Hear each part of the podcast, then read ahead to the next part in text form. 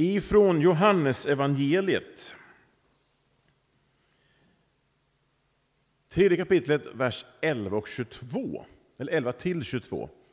Ehm, Bengt har redan läst eh, en klassisk vers som är i det här sammanhanget. Då.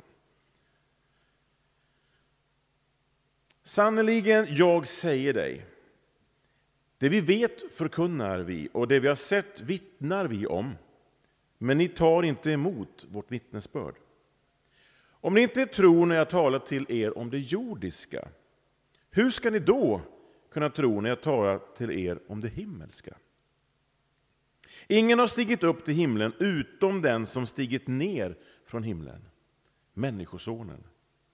Liksom Mose hängde upp ormen i öknen så måste Människosonen upphöjas för att var och en som tror på honom skall ha evigt liv.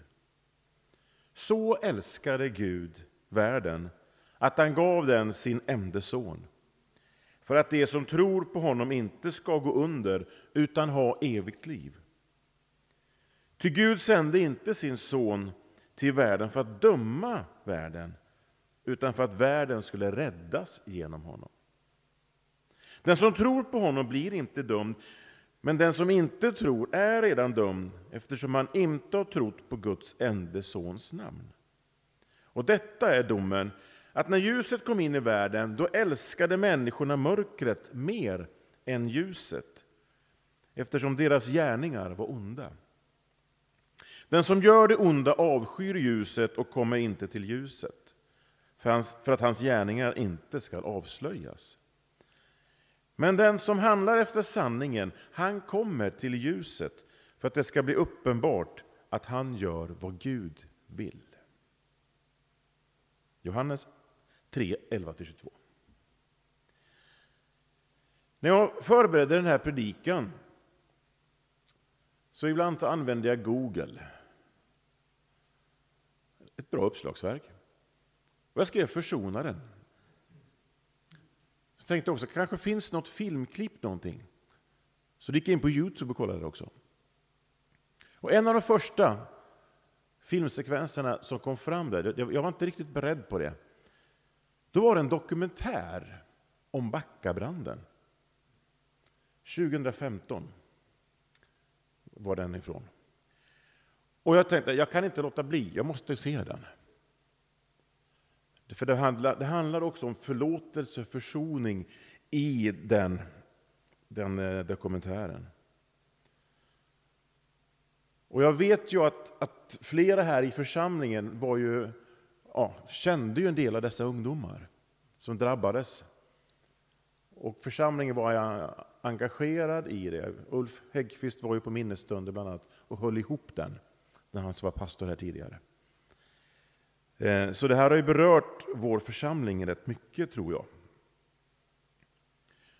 Och jag tänker också när, när man, när man bara påminns om det hemska igen som skedde där, när så många ungdomar dör och blir innebrända därför att några har tänt på och, och liksom hindrat eh, utrymningsvägar.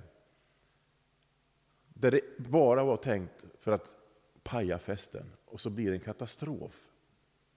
Och de här tre killarna som blir dömda, hur har de det idag? Men också hur har de drabbade det? Är det möjligt att försoning kan komma till? Är det möjligt att förlåtelsen kan vara det som bär igenom det? Och när man ser den här dokumentären, jag rekommenderar den, den är jobbig att se men, men jag tror den är, är bra. För också kanske förstå vad som faktiskt sker i, i Backa. Jag har funderat lite på det också. Vad, när drog Backa-gänget igång? har jag funderat på. Hänger det ihop med det här på något sätt? Jag, jag vet inte.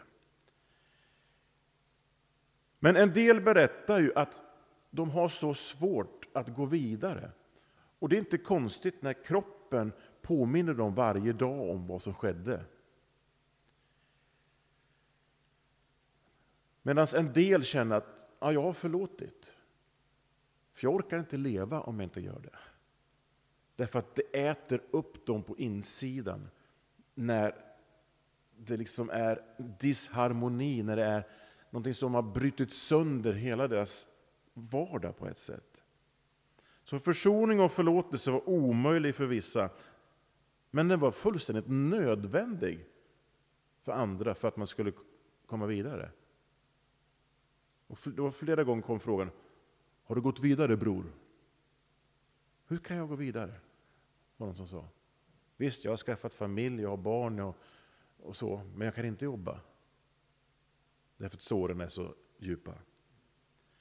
Samtidigt, om inte förlåtelsen gavs, så kommer det att äta upp ens själ. Och bitterheten blir det som, blir det som man lever av. Och man blir heller aldrig fri. Vad är försoning? Vad är det för någonting? Om man går då till ett uppslagsverk. Wikipedia. Försoning är när personer, organisationer eller länder som tvistar blir eniga igen. Ordet betecknar en genuin återvunnen samhörighet. Inte bara att osämjan upphör. Detta kan också ge tillfälle till återupprättad heder. Wikipedia. Länder som tvistar blir eniga igen. Är det någonting som vi önskar idag så är det att det ska bli försoning i Ukraina och Ryssland mellan dem.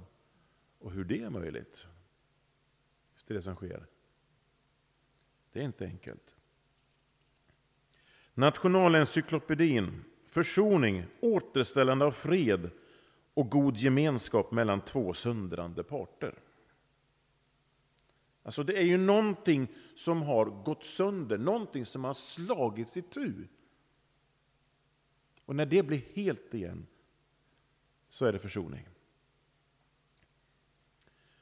En katolsk jesuitpräst uttrycker försoning med följande ord. Häng med nu, det är en, lite längre stycke här. Det goda budskapet är att strävan efter mer harmoniska relationer kan vara mödan värd. En väg till möjlig försoning såväl i den lilla som i den stora världen är att ställa upp realistiska mål. Det latinska verbet reconciliare kan översättas med att återställa något, ett vänskaps eller annat förhållande. Det handlar om att återförena, återskapa samhörighet, återetablera balans, att gottgöra. En realistisk målsättning kan innefatta förhoppningen att relationerna ska, ska bli aningen bättre, att ökad grad av harmoni kan uppnås. Sen lägger han till här också. Finns det ett kristet bidrag till försoningens problem? Föga förvånande säger han ja.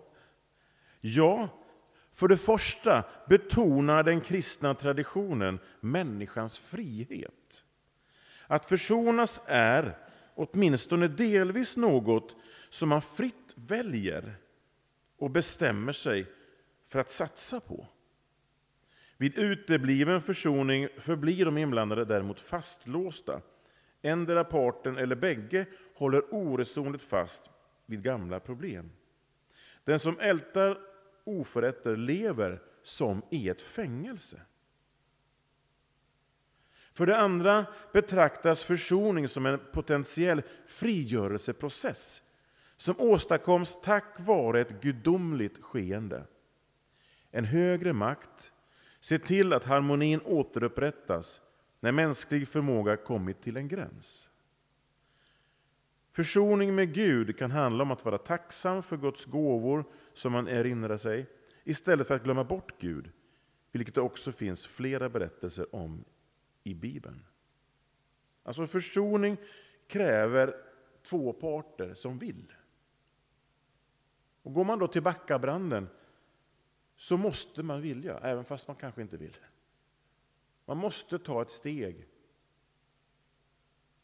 och det behöver vi också göra när osämja sker. Men varför behöver människor då bli försonade med Gud? För det tyder i så fall på att människan är skyldig till någonting. Ibland när jag har samtalat med människor om tro. Och när man kommer in på synd så har man ibland fått påståendet att men jag har ju inte gjort någonting. Där man upplever att man lever som en god människa, man, som, man, man uppfattar sig som ganska normal. Man är inte något ont mot några människor. Man gör inget ont mot Gud. Och frågan blir hur hänger det här ihop? Jag behöver inte försonas med Gud. Jag är en ganska reko kille eller tjej. Så varför behöver vi försonas? Ser man i ursprungets tider, liksom, när Gud skapade den här världen, så skapade han en värld i harmoni, i shalom, Guds shalom. Shalom är en fridshälsning som judarna säger till varandra. Guds fred. Men det, det, är inte bara att man önskar att någon ska få det bra, utan det är mer än så, för det, det bygger en relation där det är en fullständig helhet och harmoni. Jag brukar ofta använda bilden av en symfoniorkester när jag talar om harmoni. Harmoni är en musikalisk term. Och en, en symfoniorkester som inte kan spela och som inte synkar tillsammans, det är ingen rolig upplevelse. Därför att det är så många instrument. Ja, ni har hört det förut, men jag tar det igen, för det, det är en, en tydlig bild för mig i alla fall. För många år sedan var jag på opera i Verona, i den stora arenan där, utomhusarena. Från, från eh, ja, samma tid som Colosseum, den andra största i världen tror jag det är. Då hade de opera utomhus i den arenan. Inte en mikrofon så långt ögat når. Hela, hela miljön är ju bara liksom, vibrerar i luften. Jag tror det var Carmen vi skulle lyssna på, jag kommer inte ihåg det. Och sen kommer orkestern på plats. Och skådespelet ska börja och sen dyker dirigenten upp där. Och sen slår han an, liksom, och helt plötsligt innan så hör man bara, det gnisslar och far och alla stämmer sina instrument. Eh, och det är inte så vackert. Tills alla hittar en gemensam ton. Nu är de färdiga liksom. Och sen slår dirigenten igång. Och jag dör. För det är så vackert. Alla instrumenten samklingar med varandra som höjer det musikaliska till någonting enormt. Alltså min första operaupplevelse var, var där, i den miljön. Och det är den enda. Jag har varit där någon, någon mer gång. Eh, men inte någon annanstans. Jag visst man har sett på tv kanske. Va? Eh. Det är det Gud gör i urmoden, i skapelsen. Han skapar Guds shalom. Det är en sån fullständig harmoni mellan alla levande varelser. Mellan människa och Gud. Och det är så som den här världen ska vara. Det är det Gud har tänkt. En helhet i skapelsen, där alla mänskliga toner bara bygger något så oerhört vackert. Och sen vet vi i berättelsen att synden kommer in i världen. Synden som förstör symboliseras av att människorna äter av en frukt som de inte får. Det var det enda de inte fick. Men det som, det som händer är att det bryter sönder Guds shalom och det blir disharmoni istället. Det krossar Guds shalom fullständigt. Och disharmonin råder i världen. Och det påverkar hela skapelsen och det som sker sen i historien under lång, lång tid och även nu idag. Alltså det vi ser i världen idag, tar Ukraina, Ryssland som exempel, det är disharmoni. Det slår sönder det Gud hade tänkt, samspelet mellan människor och med Gud. Det som händer är att en hel värld vänder Gud ryggen. En värld som Gud har skapat så fantastiskt vackert, harmoniskt. Och så slås det bara sönder av människans egoism, och jag undrar hur Gud känner sig. Jag undrar hur han tänker. Blir man inte arg? Blir man inte sur?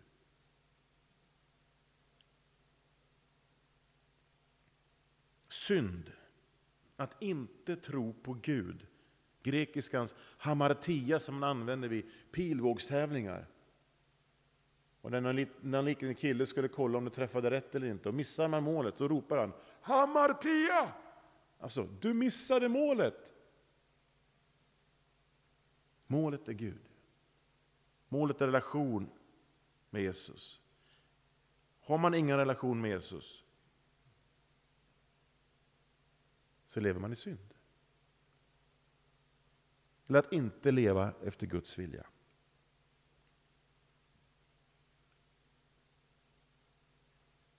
Vad gör Gud då?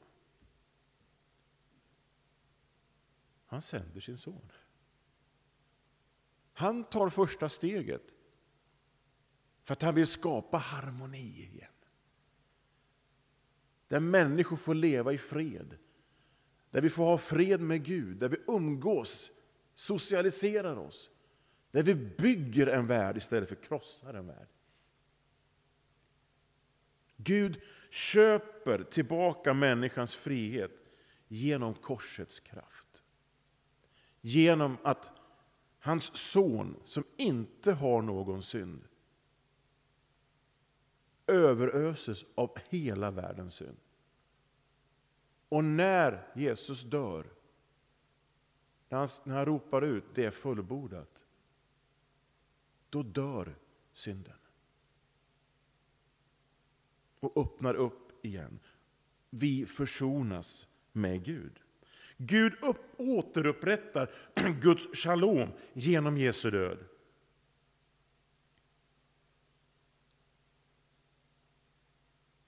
Vi är alla skyldiga till att bryta Guds shalom. Bibeln uttrycker det så här. Alla har syndat och gått miste om härligheten från Gud. Och utan att ha förtjänat det blir de rättfärdiga av hans nåd.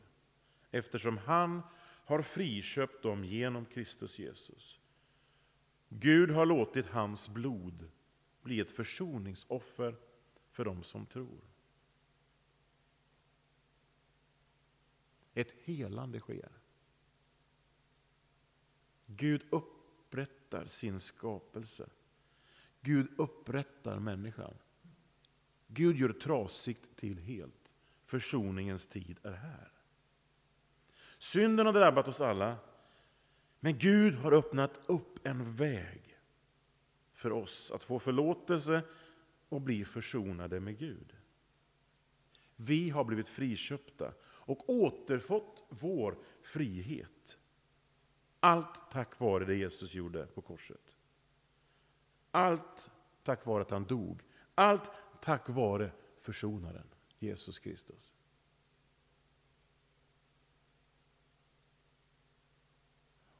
Och jag kan undra, varför gör Gud det? Varför förlåter Gud?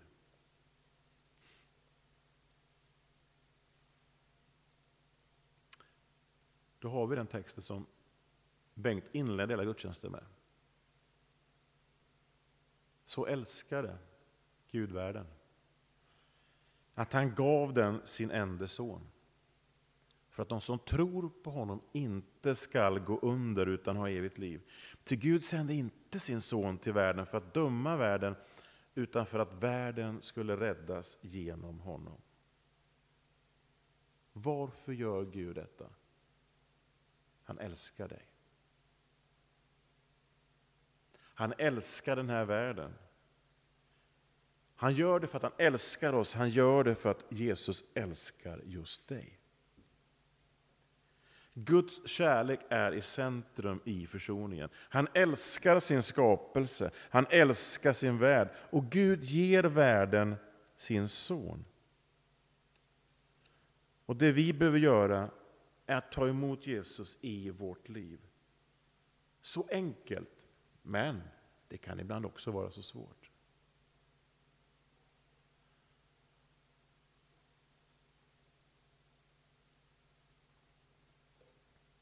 Guds kärlek är i centrum i den här texten.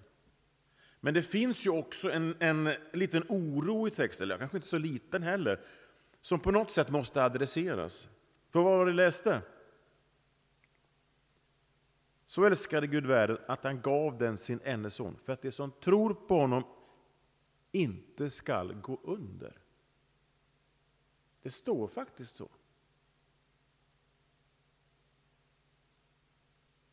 Det är tydligt att de som tror på Jesus, och vad de skulle få? Jo, de skulle ha evigt liv. Men vad händer om man inte tror på Jesus?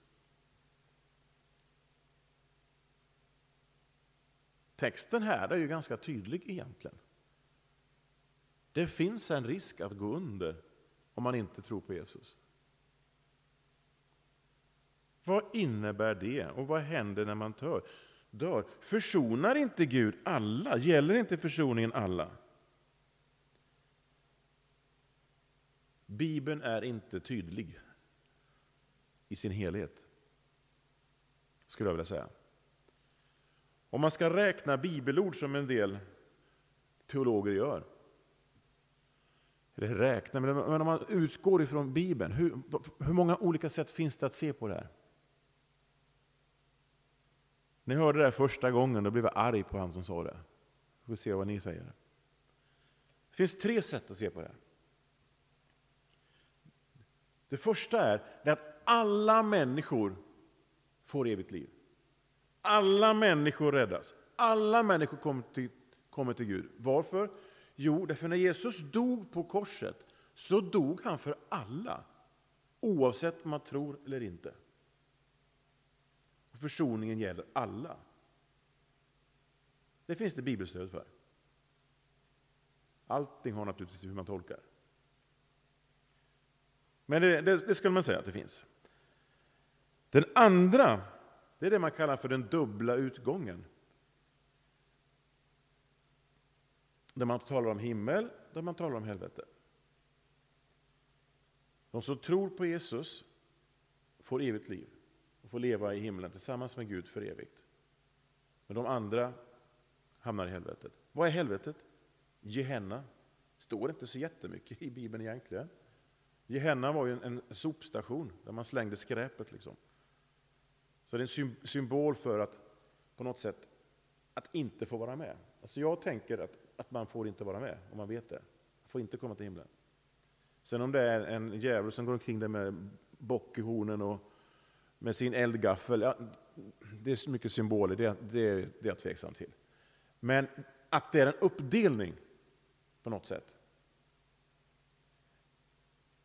Det finns texter på i Bibeln. Jesus uttrycker det själv vid några tillfällen. Ehm. Det är väl det som kyrkan har levt i ganska mycket, just, just den biten, i, i historien. Den dubbla utgången. Den tredje liknar den andra, men, men, men inte riktigt på samma sätt. Då handlar det om de som tror på Jesus kommer till himlen och alla andra, lite grann som texten här tar upp, går under. Alltså man slutar existera, finns inte mer. De tre bitarna skulle man kunna säga att finns i Bibeln. Uttrycket där. Och när jag hörde det första gången tyckte jag, vad är det för eh, avgudalära? Det är klart att det är dubbel utgång, för det hade jag lärt mig. Jag tror jag var 20-21 år liksom, och levde i det här och man hade blivit matad med det. Liksom. det. Vad spelar det för roll med evangelisation om det inte är en dubbel utgång? Vi ska ju rädda den här världen. Vi måste ju berätta om hur mycket Jesus älskar varenda människa så att de inte hamnar fel. Jag är mognare idag. Och jag är inte så själv, självklart självsäker längre. Jag önskar alla människor som komma till himlen önskar att försoningen gäller alla. Den gäller alla. Det gör den. Men någonstans finns det ett fritt val också. Så det texten ändå talar om, det är att det finns en risk.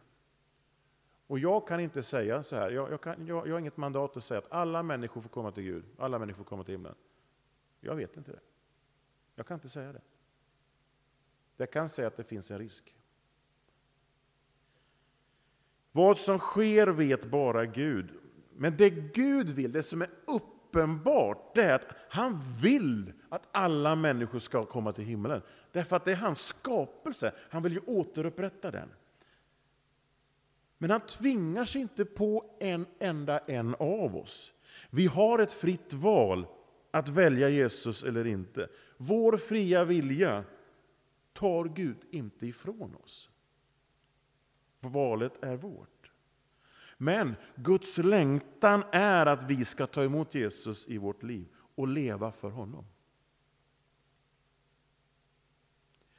När Johannes, författaren till Johannes evangeliet, när han inleder hela sitt evangelium, det finns något som kallas för Johannesprologen, hela inledningen kallas för prologen. Där går han igenom egentligen från skapelsen till slut nästan. Alltså hela Bibeln i 18 verser. Och i mitten där så kommer han till det här, för han är inne på att, att Jesus kommer. Och så står det så här i den elfte och tolfte versen. Jesus kom till det som var hans, och hans egna tog inte emot honom. Men åt dem som tog emot honom gav han rätten att bli Guds barn, åt alla som tror på hans namn. Så när vi försonas med Gud blir vi hans barn. Vi är inte det från början, utan det var judarna som kallade Gud för sin far. Och man var hans barn. Vi är alltså inte det från början, men vi är Guds skapelse. Gud har skapat oss. Han har lagt ner mycket i oss, men han vill att vi ska välja honom. Vi har rätten, i texten står det, vi har rätten att bli Guds barn om vi tror på Jesus och tar emot honom i vårt inre. Det är Guds längtan för oss alla. Och det är där vi har landat, tror jag de flesta av oss. Att vi har tagit emot Jesus i vårt liv och då kan vi vara trygga med att försoningen gäller oss. Försonaren kom för mig, han kom för dig. Så när vi försonas blir vi Guds barn.